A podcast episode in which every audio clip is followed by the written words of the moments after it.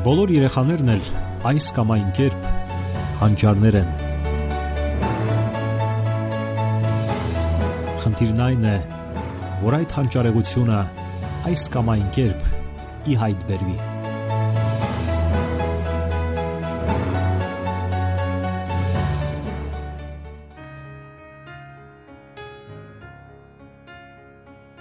Բարև ձեզ, սիրելի ռադիո լսողներ, եթերում դասերակցություն հաղորդաշարն է։ Դասերակցության բնագավառում անհուսալի իրավիճակներ չկան։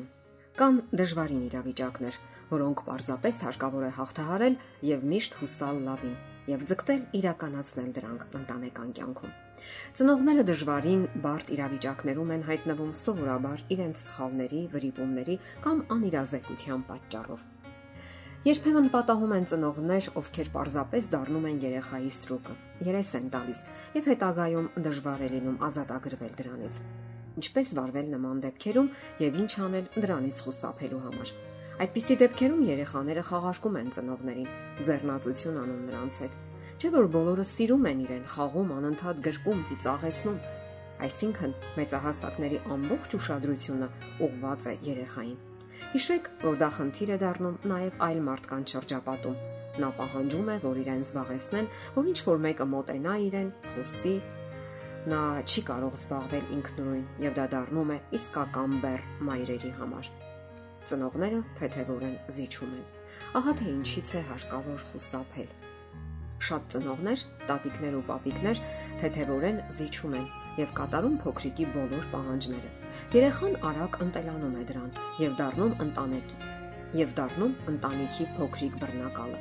Բոլոր դեպքերում նա ուշադրություն է պահանջում իր հանդեպ, չնայելով ոչ մի բանի, չէ՞ որ նա դարձել է տիեզերքի կենտրոնը։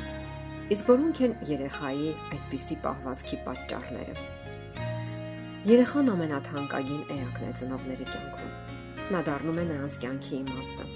Նրանք անընդհատ հուզվում են երեխայի համար ամենաչնչին առիթով անգամ վազում նրա մոտ, չէ որ հսկայական պատասխանատվություն են զգում նրա ճակատագրի հանդեպ։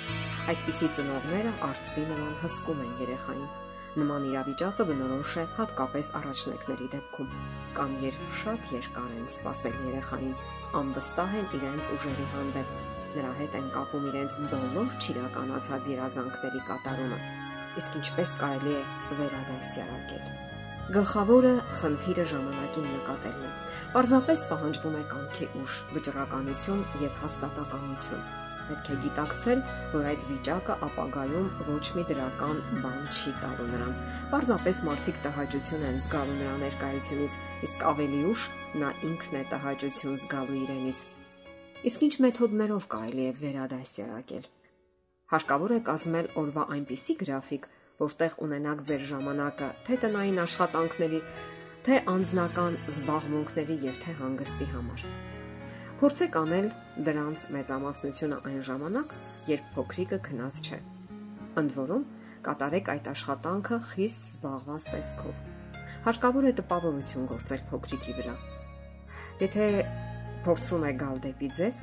սիրալիր, հանդարտ, սակայն հաստատական բացատրեք, որ դուք զբաղված եք։ Երեխան, եթե նույնիսկ չհասկանա ձեր բարերի իմաստը, կհասկանա շեշտադրությունը։ Իսկ աշխատանքների ընթացքում կարելի է նույնիսկ խոսել փոքրիկի հետ։ Այդպես նա ավելի վստահ կզգա իրեն։ Ապա որոշեք, թե երբ է նրա հետ զբաղվելու ժամանակը։ Երեխան կընտելանա նման իրավիճակին եւ կսովորի լինել ինքնուրույն։ Երբեմն երեխաների երեսառածությանը նպաստում է ընտանեկան մրցակցությունը այն հարցի շուրջ,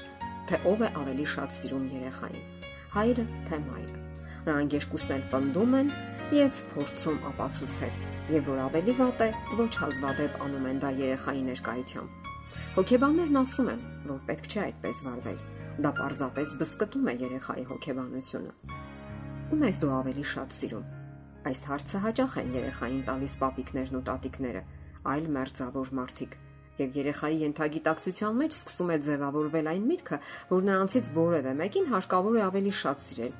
Դրան նպաստում են նաև ծնողները, երբ սկսում են մրցակցել, թե ով ավելի շատ նվերներ կտա կամ ավելի շատ ջերմ խոսքեր կպարգևի։ Այդպիսի ծնողները թյուրիմացաբար մտածում են, թե դրանով իրենք ուժեղացնում են իրենց անձնական սերը։ Հոգեբանները վստահաբար պնդում են. Որ այդպիսի ծնողները իրենց միջև ունեն միջանձնային հիմնախնդիրներ։ Դրանով նրանք փորձում են ցույց տալ իրենց ուժը եւ գերազանցությունը մյուսի հանդեպ։ Հիշեցնենք, որ պետք չէ պայքարել փոքրիկի համար։ Մրցակցությունը հանուն փոքրիկի սիրո ի հակակշիռ զուգընկերոջ ոչ միայն ցանկալի չէ, այլ նաև վտանգավոր է։ Չէ որ իրականությունն այն է, որ ծնողները ըստ էության պայքարում են ոչ թե փոքրիկի սիրո համար, այլ մրցակցում են սեփական հեղինակության համար, իսկ միգուցե նաև սեփական կոմպլեքսների համար։ Հոգեբանները այստեղ վստահաբար պնդում են եւ միակարծիք են՝ ի ցույց դնել իրեն եւ առանձնացնել որպես ավելի սիրող ծնող անթույլատրելի է։ Ծնողական սերը չի կարելի բաժանել հայրականի ու մայրականի Վատ է նաև, երբ ծնողները ունեն դաստիարակչական տարբեր մեթոդներ։ Այսինքն, երբ հայրը վիրավորում է, իսկ մայրը պաշտպանում ու մխիթարում։ Երեխան դարձյալ կանգնում է ընտրության առաջ, ինչպես վերաբերվել ամեն մեկին։ Նաև կարևոր հարց է. ինչ անել, որպիսի փոքրիկը չտարապի։ Հիշեք, Չի կարելի հարկադրել փոքրիկին, որ ծնողների մեջ տեսնի մրցակցության մեջ մտած մարզիկների, որոնցից յուրաքանչյուրը պայքարում է փոքրիկի սերը նվաճելու համար։ Փորձեք սիրել երեխային առանց որևէ պայմանի եւ հատուցման։ Պարզապես դրսևորեք ձեր սերը ջերմությամբ, նուրբ զգացմունքներով եւ նույնը կողակցի հանդեպ։ Արեք դա անկեղծորեն։ Իսկ թե ով է ավելի շատ սիրում երեխային, նույնիսկ մի փորձեք մտածել Երեխաները միանման են սիրում իրենց ծնողներին։ Նրանք այլ կերպ չեն էլ մտածում։ Մի հիասթափեցրեք նրանց։ Նրանք անկեղծ են եւ այնքան հրաշալի։ Սիրելի ռադիո լսողներ, եթերում դասերակցություն հաղորդաշարներ։ Ձեզ հետ է Գեղեցիկ Մարտիրոսյանը։ Ձեզ ուզող հարցերի համար կարող եք զանգահարել 093 00 63 27 կամ 094 93 55 77 հեռախոսահամարներով